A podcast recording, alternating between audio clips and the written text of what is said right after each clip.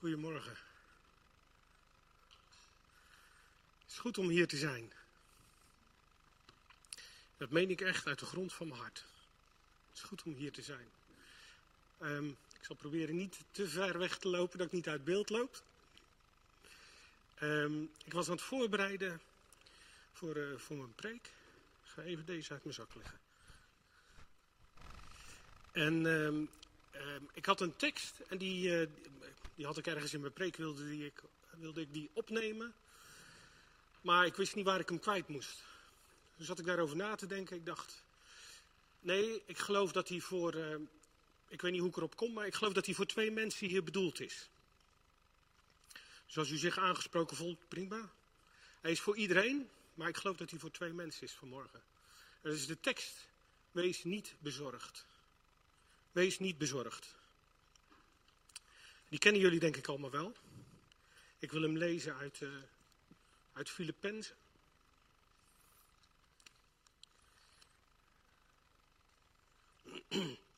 Er staat Filippenzen 4 vers Filippenzen 4 vers 4. Sorry, vers 6. Wees in geen ding bezorgd. Wees in geen ding bezorgd. Dat is wat, hè? Geen ding bezorgd te zijn. Want er is op dit moment genoeg om bezorgd over te zijn. Maar ik zeg het speciaal tegen u. Wees in geen ding bezorgd. En als ik dit zo zeg, dan zou je je kunnen afvragen, ja, ja dus. Maar er staat wat achter. Er staat achter wat je dan wel kunt doen. Of wat je wel mag doen. En er staat achter, maar laat al uw begeerten in alles door bidden en smeken met dankzegging bekend worden bij God. Dus het is niet alleen maar niet bezorgd zijn. Nee, de Bijbel geeft een goede aanwijzing wat je dan wel moet doen. En dat is prettig. Dat is goed. Dat, er zijn heel veel aanwijzingen, denk ik, in de Bijbel. Maar er staan ook, vaak staat er dan achter wat je dan wel kunt doen. Zodat je handgrepen hebt, handvaten hebt, hoe je verder daarmee kunt, met die zorg. Laat al uw begeerten in alles, door bidden en smeken, met dankzegging, bekend worden bij God.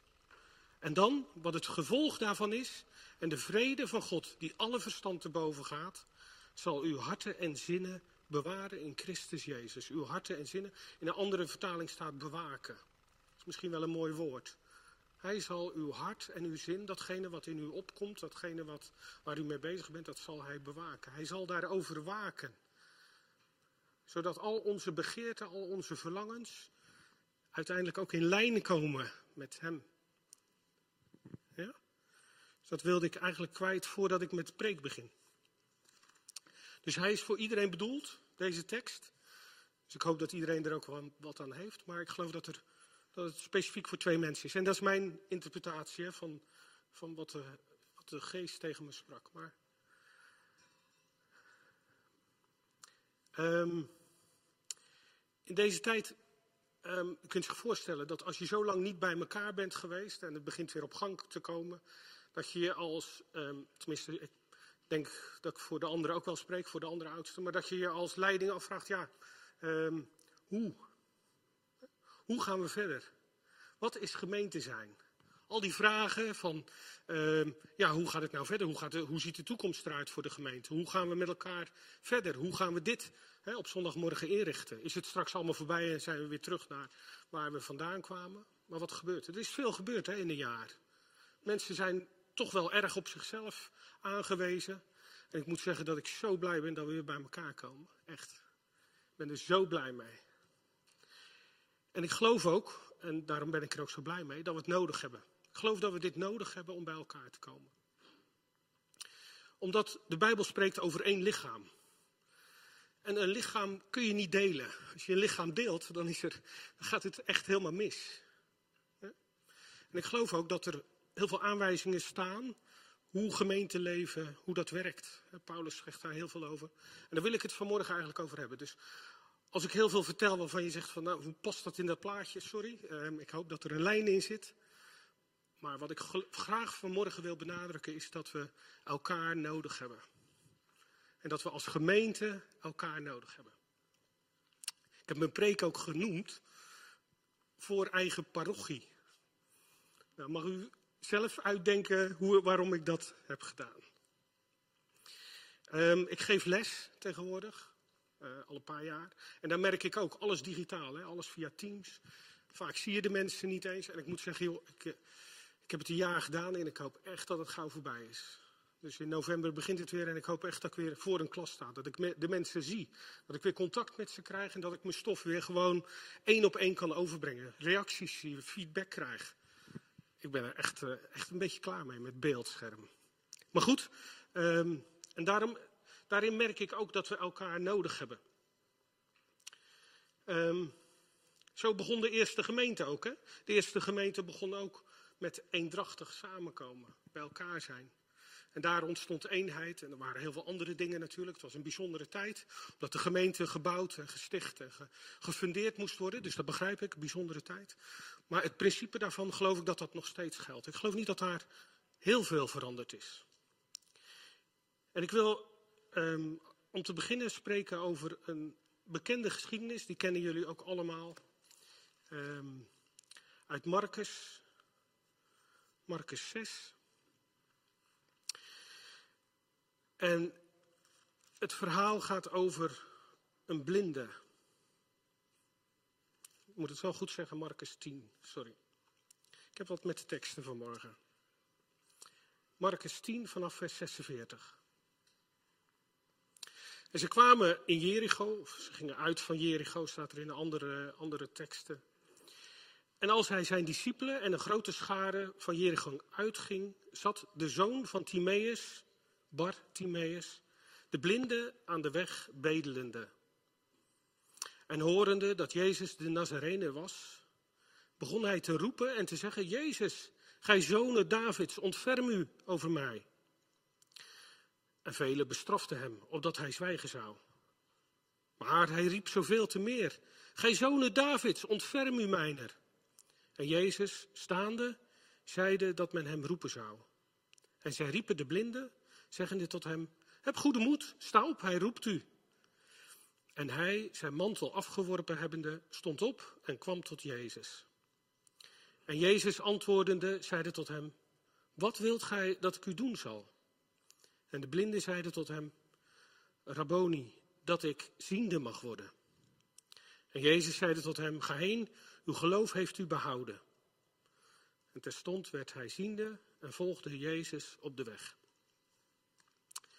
Nou, een heel bekend, bekend verhaal. Ik denk dat u, als ik zeg Bartimeus, dat iedereen het zo kan vertellen hoe het, uh, hoe het in zijn werk ging, wat er gebeurde. Eigenlijk een hele compacte verhaal waar, waarin uh, alles eigenlijk zit wat, wat het evangelie inhoudt. Het grappige is, Bartimaeus is, uh, is een blinde, een zoon van Timaeus. En daarmee vond ik wel mooi.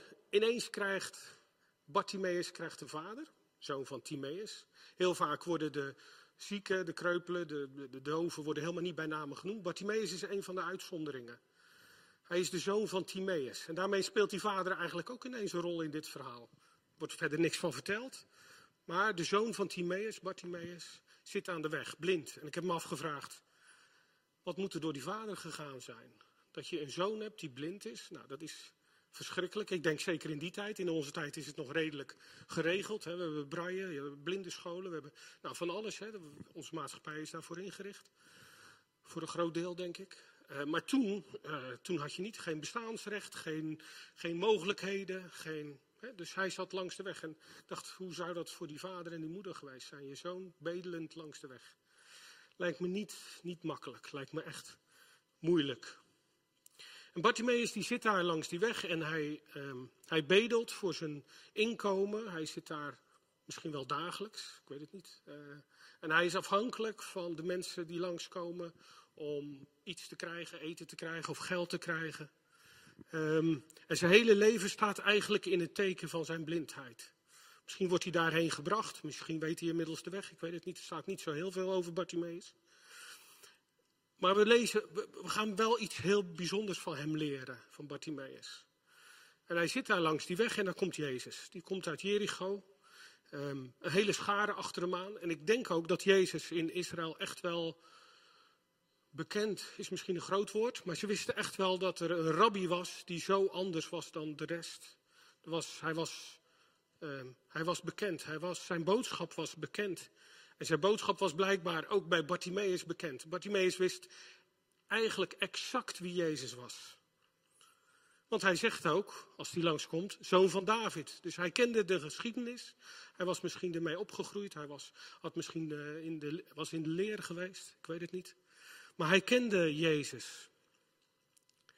Ehm, dus Jezus komt daar Jericho uit met die hele schade achter zich aan. En dan hoort Jezus die, dat rumoer. En blijkbaar is, heeft er iemand gezegd, ja het is Jezus die langskomt. Of hij heeft iemand horen praten erover. Um, en dan gebeurt er iets in zijn hart. Bartimaeus denkt, wacht even, die man, die Jezus die ik ken, die zoon van David, die kende hij niet alleen uit de geschiedenis, hè, als, als een afstammeling van, van David, van het huis van, van Juda, maar hij kende Jezus ook van hart. Want hij roept, zoon van David, ontferm u over mij. Hij wist, als ik bij Jezus te raden ga, als ik hem erbij haal, hem erbij roep, dan gaat hij zich over mij ontfermen. Dat is een hele andere karaktereigenschap natuurlijk. Weliswaar in het, in het fysieke afstammeling van David, maar in het geestelijke een heel bijzondere man. Iemand die zich over hem zou gaan ontfermen. En daar doet, hij, daar doet Bartimaeus een beroep. Hij doet een beroep op Jezus. Hij doet eigenlijk een beroep op dezelfde houding, eigenlijk dezelfde karakter van David. Want ook David ontfermde zich. Ik weet niet of u het verhaal kent van Mephibosheth. Kennen jullie wel natuurlijk die naam? hij zocht een afstammeling van Jonathan, zijn beste vriend. En die mocht aan zijn tafel. En dat was heel bijzonder, want Mephibosheth was kreupel. Eh, volgens mij aan twee benen zelfs. Dus die kon, was echt een, een verschoppeling van die tijd. En die krijgt een ereplaats aan de tafel van koning David. Dus ook David, koning David was al een, een, eh, had al de ontfermende, een ontfermend hart, had hij. En diezelfde eigenschap die kent Bartimaeus van Jezus. Misschien uit de verhalen, maar hij, hij hoort Jezus langskomen. Hij hoort dat Jezus langskomt en hij gaat, hij gaat daar een beroep op doen. Het is geweldig dat hij een beroep doet op, de ontferming van Jezus. En dat is, dat is eigenlijk ja, Bartimaeus was blind. Hij zat langs de weg. Hij was een verschoppeling van de maatschappij. Maar in zijn hart brandde iets. Er brandde een vuur. En het enige wat moest gebeuren was dat Jezus langskwam. En hij roept Jezus. Hij zegt: Jezus, zoon van David, ontferm u over mij. En dan zijn de mensen die bestraffen hem. We, we staat verder helemaal niet in het verhaal waarom, maar ze, Ehm, ze vinden het vervelend. Misschien willen ze Jezus wel beschermen. Misschien schamen ze zich voor een blinde die, die de aandacht van zo'n rabbi vraagt. Want Jezus was een rabbi hè, die, en die had ook een zeker aanzien hè, in de geestelijke. Um, laten we zeggen, de geestelijkheid van die tijd was een rabbi echt wel een vooraanstaand persoon. Dus dat zal Jezus ook wel geweest zijn, hoewel hij altijd woorden had met zijn medegeestelijke. Maar hij had echt wel een, een zekere positie. Ehm, en mensen die om, om, in, in, die, in die groep rond, rond Jezus, die bestraffen Bartimaeus dan. Die zeggen, joh, hou je mond. Misschien dachten ze wel, Jezus heeft helemaal geen tijd voor je. En daarmee slaan ze de plank helemaal mis. En ik moet een beetje denken aan de discipelen, hè, die de kinderen bij Jezus weg willen houden. Moeders die de kinderen brengen en dan bestraffen de discipelen, bestraffen de discipelen, of de discipelen bestraffen de moeders om hun kinderen bij Jezus weg te houden. En daar is Jezus erg, erg verbolgen over. Ja. En als ik dit dan lees, dan, dan denk ik, ja, laten we, laten we alsjeblieft mensen zijn die mensen, al zijn ze blind of kreupel of wat dan ook, die ze bij Jezus brengen. Niet dat we tussen Jezus en de mensen instaan, van ik moet het regelen en ik moet alles in de hand houden, maar dat we mensen juist bij Jezus brengen. Daar eigenlijk waar ze horen.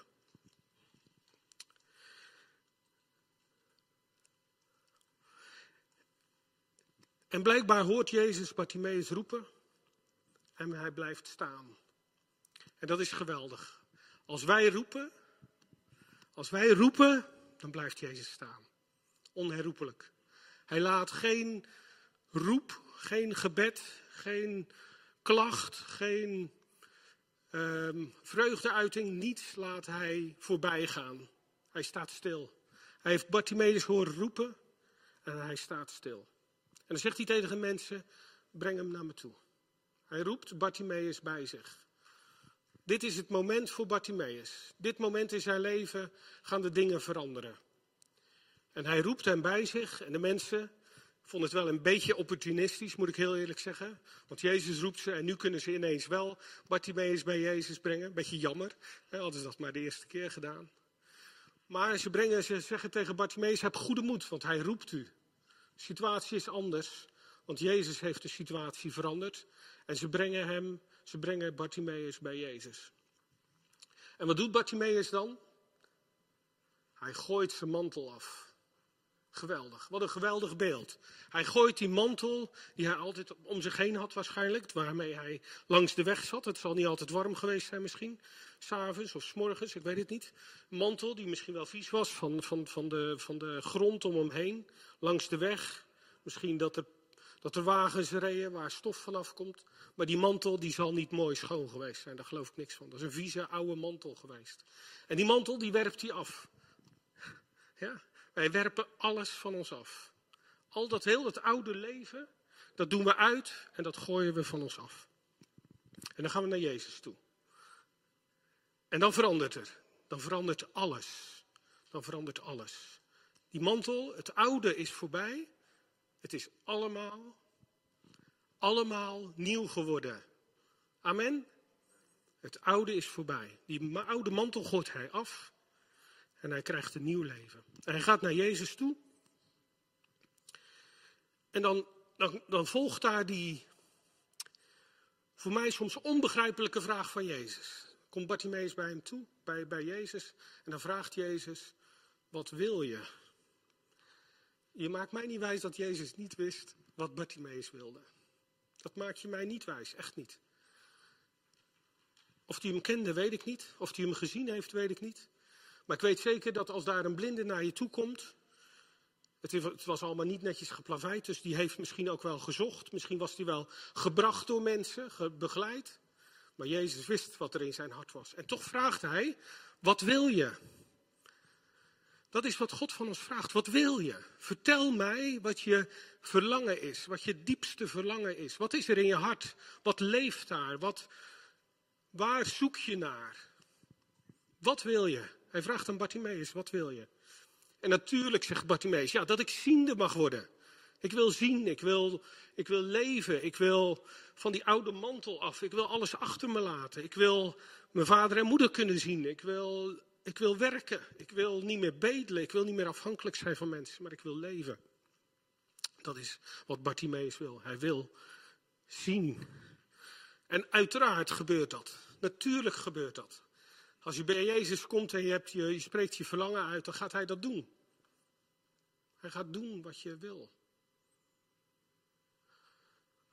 Even terug hoor. Ik ga even terug naar die tekst die ik net vanmorgen gelezen heb. Misschien past die er toch in. Wees in geen ding bezorgd, maar laat uw begeerte in alles door bidden en smeken met dankzegging bekend worden bij God. Bekend worden bij God, maar God weet alle dingen. God weet alle dingen. Hij, kende, hij wist al dat wij zouden, hier zouden zijn voordat uh, uw ouders getrouwd waren. Voordat uw ouders geboren waren. Wat? Voordat uw opa en oma er waren. Voordat er überhaupt een generatie schijven zou zijn. Toen wist hij op 25 april 2020, 21, sorry, staat hier David schrijven vooraan een preek te geven. En toch zegt de Bijbel, laat alles wat je begeert bekend worden bij God. Zeg het mij. En dan kijk ik naar mijn eigen kinderen en dan denk ik, ja, ik wil dat ze tegen mij zeggen wat ze willen. Natuurlijk weet ik wat ze willen. Meestal. Toch? Ik zeg niet dat ze altijd krijgen eh, wat ze willen. Maar ik wil het wel weten. Wil weten wat leeft er in je, wat is er in je, wat wil je? Vertel het mij.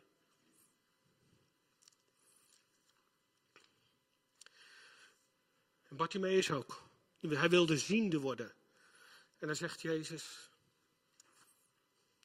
ook al zo frappant.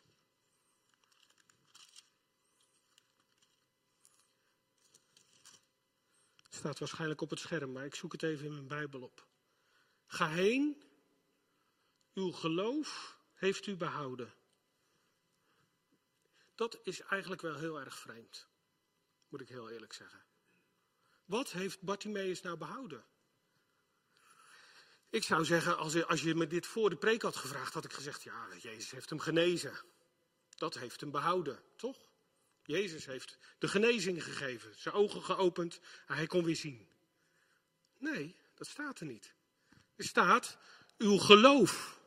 Je geloof heeft je behouden. En toen dacht ik, ja, maar wanneer is dat dan begonnen? Is dat dan begonnen toen Bartimaeus bij Jezus kwam? Werd hij toen behouden? Nee, ook niet. Wanneer geloof, begon dat geloof? Dat, begon, dat geloof begon niet eens toen hij daar die morgen langs de weg zat. Nee, dat geloof begon al veel eerder. Toen hij hoorde van Jezus. Toen hij nadacht, wie is die Jezus? Toen hij de verhalen hoorde van genezing, van, van uh, het spreken van Jezus. Alle beloftes die hij sprak. Het genezen van de kreupelen, de, de wonderbare spijziging. Ik weet niet of die ervoor of erna is. Maar hij heeft die verhalen gehoord van Jezus. En toen kwam het geloof in zijn hart. Toen begon dat al. En deze morgen kwam dat tot een climax. Want Jezus moest Bartimaeus zien. Toen begon dat al. En vanuit dat geloof, dat geloof wat hij toen tentoonspreidde door te roepen in de menigte. Jezus, zoon van David, ontferm u over mij. Toen begon, toen begon dat al. De genezing was daar al. En dat moet ook wel, want bij God is geen gebrek. Bij God is alles. God heeft alles klaar liggen voor ons wat we nodig hebben. Geloven we dat? Gelooft u dat God alles heeft klaar liggen voor ons wat we nodig hebben? Is een belangrijk hoor, vind ik een belangrijke. Als je dat gelooft namelijk, dan kun je daar een beroep op doen op elk moment in je leven. Waar je ook in zit, wat er ook gebeurt, dan kun je een beroep doen op datgene wat God voor jou klaar heeft liggen. En dan ga je naar Jezus toe en zeg je, Jezus, ontferm u over mij, ik heb dit nodig. Geloof begint veel eerder. Het begint niet morgen. Als u iets hebt, nodig hebt, begint nu. Nu. Gelooft u dat datgene wat u morgen, overmorgen en volgende week nodig heeft, gelooft u dat dat er al is. Ja? Als het dan zover is, dan is het enige wat u nog moet doen, is een beroep erop doen. En dan kunnen we zeggen, ik heb het vorige week ook gezegd, of de week daarvoor, dan ontbreekt u niets. Maar het begint met het geloof dat datgene wat God heeft voor ons, dat dat al er is, dat dat klaar ligt. We hoeven er alleen nog een beroep op te doen. Bij God is geen tekort. De, schapen op duizend bergen zijn van hem. Niets is voor hem onmogelijk. Hij weet alle dingen. Het ligt aan onze kant. Hebben wij het geloof? Hebben wij de vrijmoedigheid? Durven wij een beroep te doen op datgene wat God voor ons heeft klaarliggen?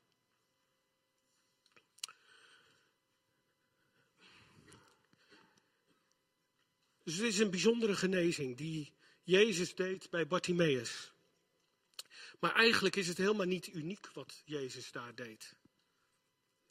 Dat idee heb ik wel eens, dat het allemaal heel erg uniek was. Maar dat is niet helemaal zo. Want Jezus had volgelingen, en die volgelingen, zijn discipelen, die stuurt hij op een gegeven moment stuurt hij die weg. Hij stuurt de twaalf, 70 stuurt hij uit. En die geeft hij, op, onderweg geeft hij zijn macht om het allereerst het evangelie te brengen, te vertellen met de mensen. Luister, de Messias is geboren, komt een nieuw koninkrijk. Maar hij geeft ze ook fysieke macht. Uitgegaan zijnde, hè, dit gaat dan over de discipelen die uitgegaan zijn, predikten zij dat zij zich zouden bekeren. En zij wierpen vele duivelen uit en zalfden vele kranken met olie en maakten hen gezond. Dus eigenlijk wat Jezus hier met Bartimaeus deed, was eigenlijk niet eens zo'n hele bijzondere gebeurtenis. Ja, wij vinden hem bijzonder en dat is die ook hoor. Zeker. Maar ook de discipelen gingen dat doen. Ook de discipelen gingen uit, zalfden mensen met olie en die genazen. En ze deden dat met de prediking over de bekering, over de, het nieuwe koninkrijk wat ging komen. Goed, ik wil de verbinding maken met de gemeente.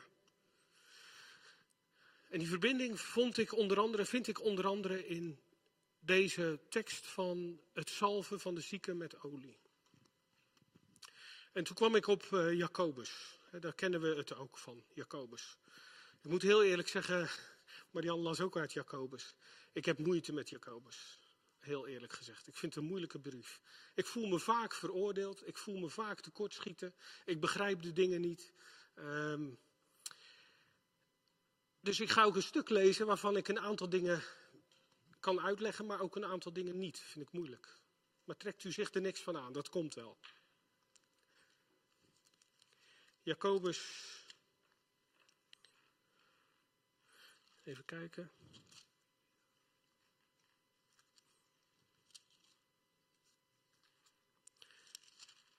Jacobus 5.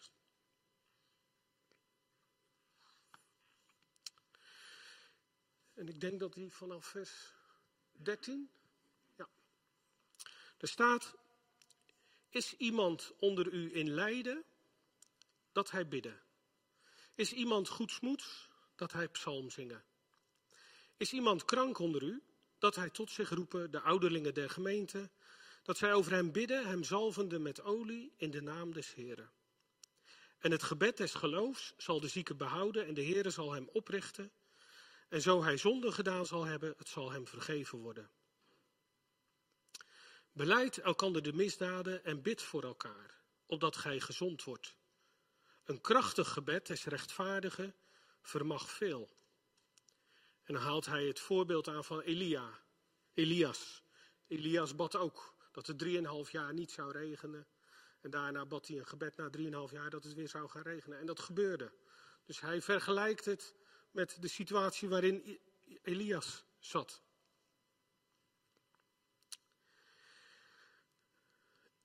En voor mij zitten hier een aantal facetten in, in dit stuk, waarvan ik denk, ja, dat hoop ik dat in onze gemeente ook gepraktiseerd wordt. Dat, daar bid ik voor. Ik zou eigenlijk als eerste een voorbeeld willen geven uit, uh, uit mijn eigen leven. Um, we hebben geadopteerd. Dat is al redelijk wat jaren geleden. Wees niet bang, uh, Geraldine, ik ga er niet te veel over zeggen. En die tijd, adoptie was niet zo goedkoop. Dus we moesten wel een beetje op de kleintjes letten. En we hebben een poosje zonder auto gedaan. Dan zou je zeggen, nou is dat nou zo bijzonder? Maar dat is af en toe best wel lastig. Als je naar je werk moet, moest 20 kilometer fietsen. Um, dus dat was best, uh, best wel een dingetje. En toen waren er mensen uit onze omgeving, uit, uh, uit de andere gemeenten, en die zeiden van joh, leen, leen gewoon onze auto af en toe. Nou, ik kan je vertellen hoe lang dat geduurd heeft voordat ik die auto geleend heb. Een man en auto lenen, zelfstandigheid, uh, eigen, eigen auto, eigen eer, eigen. Dat duurde echt heel erg lang, dat kan ik u vertellen. Dat was echt een drempel, dat was echt zo'n drempel voor mij. Om naar iemand toe te gaan en te zeggen, mag ik je auto lenen? En wat mij toen heel erg geholpen heeft, is dat door te accepteren dat iemand die auto aanbiedt. Ik moet ineens trouwens aan jullie denken. Hans en Corrie, want ik heb jullie auto ook een keer geleend. Iets korter geleden. Maar ik leerde uit het accepteren van dat voorstel van het lenen van die auto. Één, twee dagen in de week, een jaar lang dat door mijn acceptatie ik hen diende. Ja, door mij over die drempel heen te zetten en te zeggen: Oké, ik leen je auto, gaf ik hun de mogelijkheid om mij tot zegen te zijn. Dus eigenlijk is er, zijn er twee kanten. Er zijn twee, laten we zeggen, twee partijen die een rol spelen. De, de partij die het nodig heeft, ja, die gediend wordt. En de partij die dient, die geeft. Je zou zeggen, ja, die, die gevende partij, dat, daar gaat het eigenlijk om, hè, want die leent zomaar zijn auto uit. Maar dat is niet helemaal waar. Op het moment dat ik zeg, ja, ik ontvang dat van jou, dien ik die ander. Die ander dient ook, want die staat iets van zichzelf af. Maar die, zijn, die twee zijn onlosmakelijk met elkaar verbonden. Het een kan niet zonder het andere. Als ik zijn gaven niet accepteer, kan hij niet geven. Als Bartimaeus niet had geroepen om Jezus, had Jezus die genezing niet gegeven. Bartimaeus was op zoek naar iets en Jezus gaf het. Maar als Bartimaeus niet had gevraagd, had Jezus niet gegeven. Dat gebeurde in Capernaum ook. Hij was daar met genezing, met alles wat hij nodig had. Maar hij was niet geëerd in zijn eigen plaats, Jezus. Dus hij kon ook niet veel kwijt. Dat staat er ook, hè? Hij kon niet veel kwijt daar. Dus ik hoop dat we in onze gemeente zowel willen geven als willen ontvangen.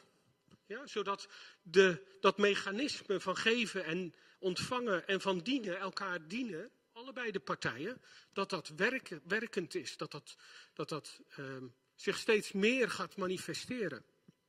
En ik kan u vertellen, en dat meen ik echt, ik word graag gebeld. Er staat hier. En als je ziek bent, als je krank bent, roep de ouderlingen. Ik word graag gebeld, echt, dat meen ik. Ik wil graag voor u bidden. Ik wil graag met mensen spreken en bidden voor genezing. Geneest iedereen altijd? Ik weet het niet. Ik hoop het. Maar ik doe het graag.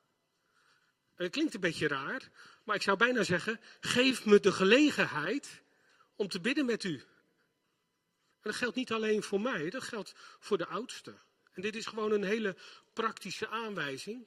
Maar ik heb het stukje ook doorgelezen, bewust. Ja, want er staat nog meer. Het gaat niet alleen om de oudste en gezond worden. Er staat ook, en het eerste stukje dat laat ik eventjes in het midden, maar er staat beleid elkander de misdaden en bid voor elkaar. Waarom? Om gezond te worden. Hé, hey, dat is wat. Dat er hier een verbinding wordt gelegd tussen, laten we zeggen, onze lange tenen. Ik hoorde, ik geloof Kees dat hij dat altijd zei, broeder schuurpapier moeilijke verhoudingen misschien, of dingen die gebeurd zijn. Voor elkaar bidden en gezond worden. Ja?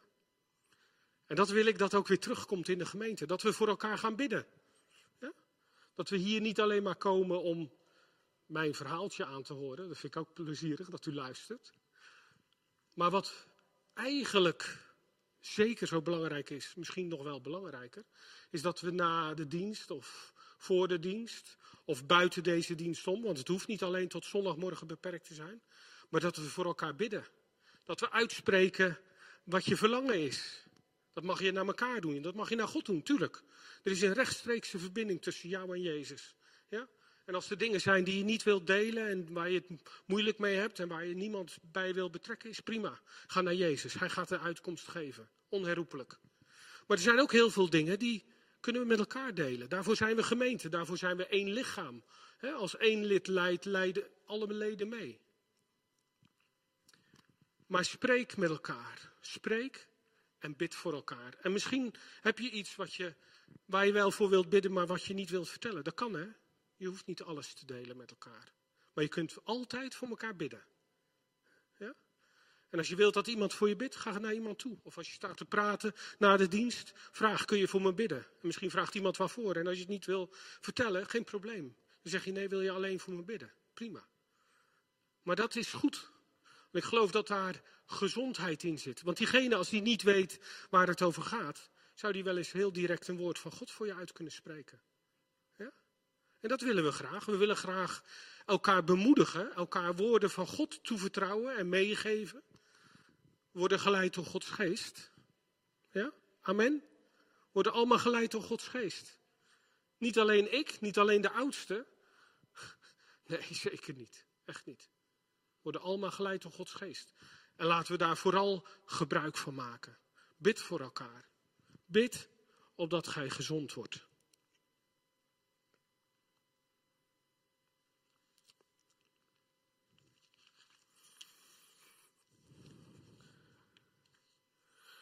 moet even zoeken hoe ik mijn preek af zou sluiten. Ik weet het niet meer. Ja, waarom komen we bij elkaar? Ik geloof dat we, dat we elkaar nodig hebben. Dat we dat zo hard nodig hebben. Zeker in deze tijd. Ik heb gemerkt dat er via social media, via krant, via tv, via radio zo'n zo'n eindeloze stroom van meningen op ons afkomt.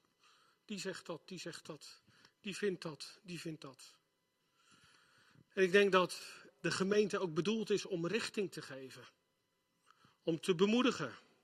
Om nieuwe, nieuwe kracht te krijgen. Om elkaar aan te sporen. Om elkaar te helpen, te steunen. En er zijn zoveel dingen die op ons afkomen. Moeten we ons ook niet in vergissen. Er, is heel veel, er komt zoveel op ons af in deze tijd. En daar hebben we, denk ik, de bescherming in de gemeente hebben we daarvoor nodig om ons daar ook in te sturen en richting te geven. En dat bedoelde ik met voor eigen parochie preken. Misschien ziet u het zo. Zo is het niet bedoeld. Maar ik geloof dat de gemeente een lichaam is. En een lichaam heeft elk lid wat daarin functioneert, heeft het nodig. Fysiek, ja. En wanneer dat weer kan, weet ik niet. Maar ik denk dat het goed is om hier te zijn en om elkaar te bemoedigen en om elkaar, ja, om voor elkaar te bidden. Vader in de hemel, dank u wel dat u één bent en dat u uw lichaam heeft gemaakt. Een eenheid, een volmaakte eenheid. Heer, de gemeente is een volmaakte eenheid met alles wat er nodig is. Alle functies zijn aanwezig. Heer, en dank u wel dat we daar gebruik van mogen maken. Dat u ieder gebruikt op die eigen bijzondere plek. Heer, dank u wel dat we zo elkaar mogen dienen. In gebed, in woord, in gesprekken. Dank u, Heer, dat u voorziet en dat we mogen verwachten dat u alles doet. U zult het doen.